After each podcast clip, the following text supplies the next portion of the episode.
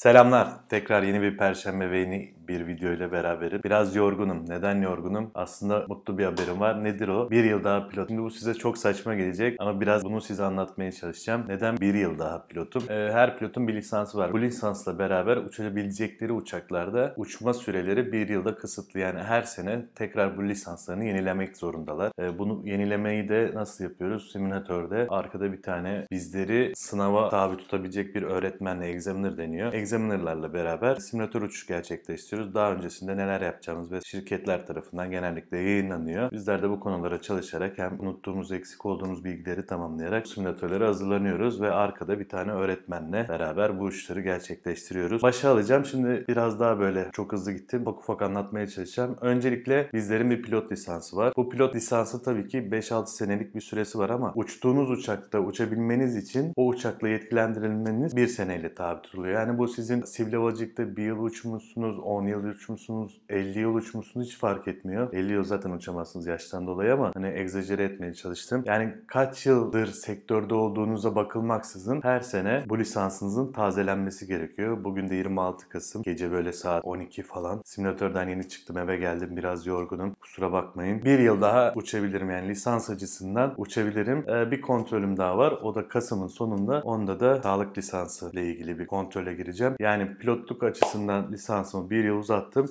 Kasım sonunda da eğer sağlık lisansımı uzatabilirsem bir yıl boyunca daha uçabileceğim. Evet aslında burada size anlatmak istediğim şey bu mesleğin ne kadar zor olduğunu anlatmaya çalışıyorum. Yani hani pilot oldum, kaptan oldum işte atıyorum 15 senedir kaptanım. Bunlar hiçbir şeyi değiştirmiyor. Her sene yine biraz stresli bir süreçte simülatörlere giriyorsunuz. Arkanızda bir tane öğretmen oluyor e, ve bu simülatörlerde uçtuğunuz uçakta yaşayabileceğiniz tüm arızaları 3 yıl içerisinde kapsayacak şekilde şirketler bir eğitim programı düzenliyor ve bu eğitim programına bağlı kalarak işte sizin her simülatörde yapacağınız arızalar ortaya çıkıyor aslında. Sadece uçağı uçurmak değil de ilgili arıza ile ilgili yapmanız gereken usulleri yapabiliyor musunuz? Bu arada uçağı uçurabiliyor musunuz? Arıza ile ilgili doğru kararlar verebiliyor musunuz? Doğru kararlar verdikten sonra bunu gerektiğinde şirkete, gerektiğinde yolcuya, gerektiğinde hava trafik kontrollerine doğru şekilde aktarabiliyor musunuz? Bunlar kontrol ediliyor. Tabii ki öncelik arızayı giderme, uçağı uçurma ve güvenli bir şekilde inmeniz. Ama bundan sonrası işte diğer usulleri de doğru yapıp yapmadığınızı arkanızdaki examiner dediğimiz öğretmenler kontrol ediyor. Eğer bundan başarısız olursanız sizde gördüğü eksikliğe göre bazen yer dersi planlaması ya da bazen bir simülatör daha uçmanız gibi sonuçlarla karşılaşabiliyorsunuz. Tabii ki herkesin başına gelebiliyor. Ben de bir keresinde simülatörde simülatör kaybı yaşamıştım. Daha sonra eğitimlere devam ederek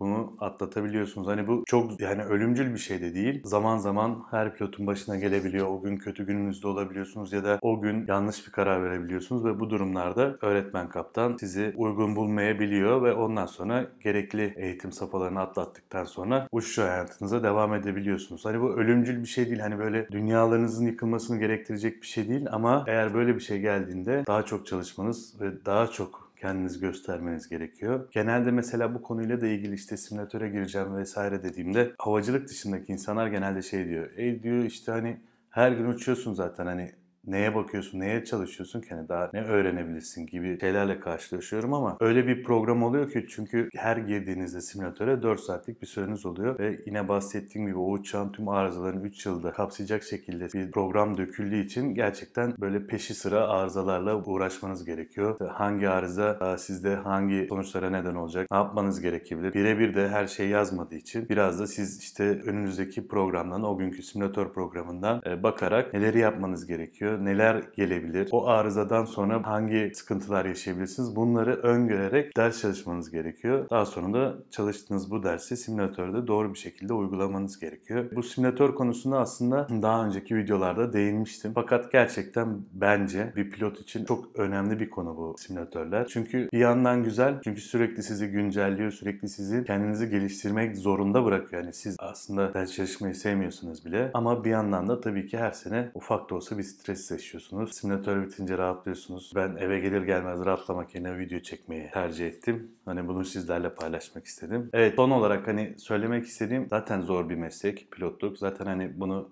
söylemeye bile gerek yok. Ve bu eğitim süreçleri de bu kadar sıkı olduğu için ki hani zaman zaman karşılaşabiliyoruz böyle yılların kaptanları. Zaman zaman sıkıntılar yaşayabiliyorlar simülatörde. O yüzden hiçbir zaman hani artık ben bu işi yapıyorum ben bu işin kralıyım vesaire. Zaten hiçbir pilot bu egolara girmiyor ama sizlere tavsiyem bir gün olur da pilot olursanız ya da şu anda pilot olarak uçuyorsanız sakınlıkla böyle egolara girmeyin. Bu mesleğin en temel noktası çalışmak, ders çalışmak, konuları takip etmek. Değişen, sürekli değişiyor, sürekli si- sivil havacılık gelişiyor. Zaman zaman kazalar oluyor. Kazalardan çıkarımlar oluyor. Bazen de sivil havacılığın e, gelişmesinden dolayı oluşan kapasite eksikliğinden dolayı birçok şey değişebiliyor. Sürekli bunları kendinize güncelliyor olmanız lazım ki hem simülatörlerde hem de diğer uçuşlarda sıkıntı yaşamamanız lazım. O yüzden eğer pilot olmayı düşünüyorsanız 2 yıl çalışayım ondan sonra keyfime bakayım gibi bir durum yok. Sürekli ders çalışacaksınız, ders çalışacaksınız ve ders çalışacaksınız arkadaşlar.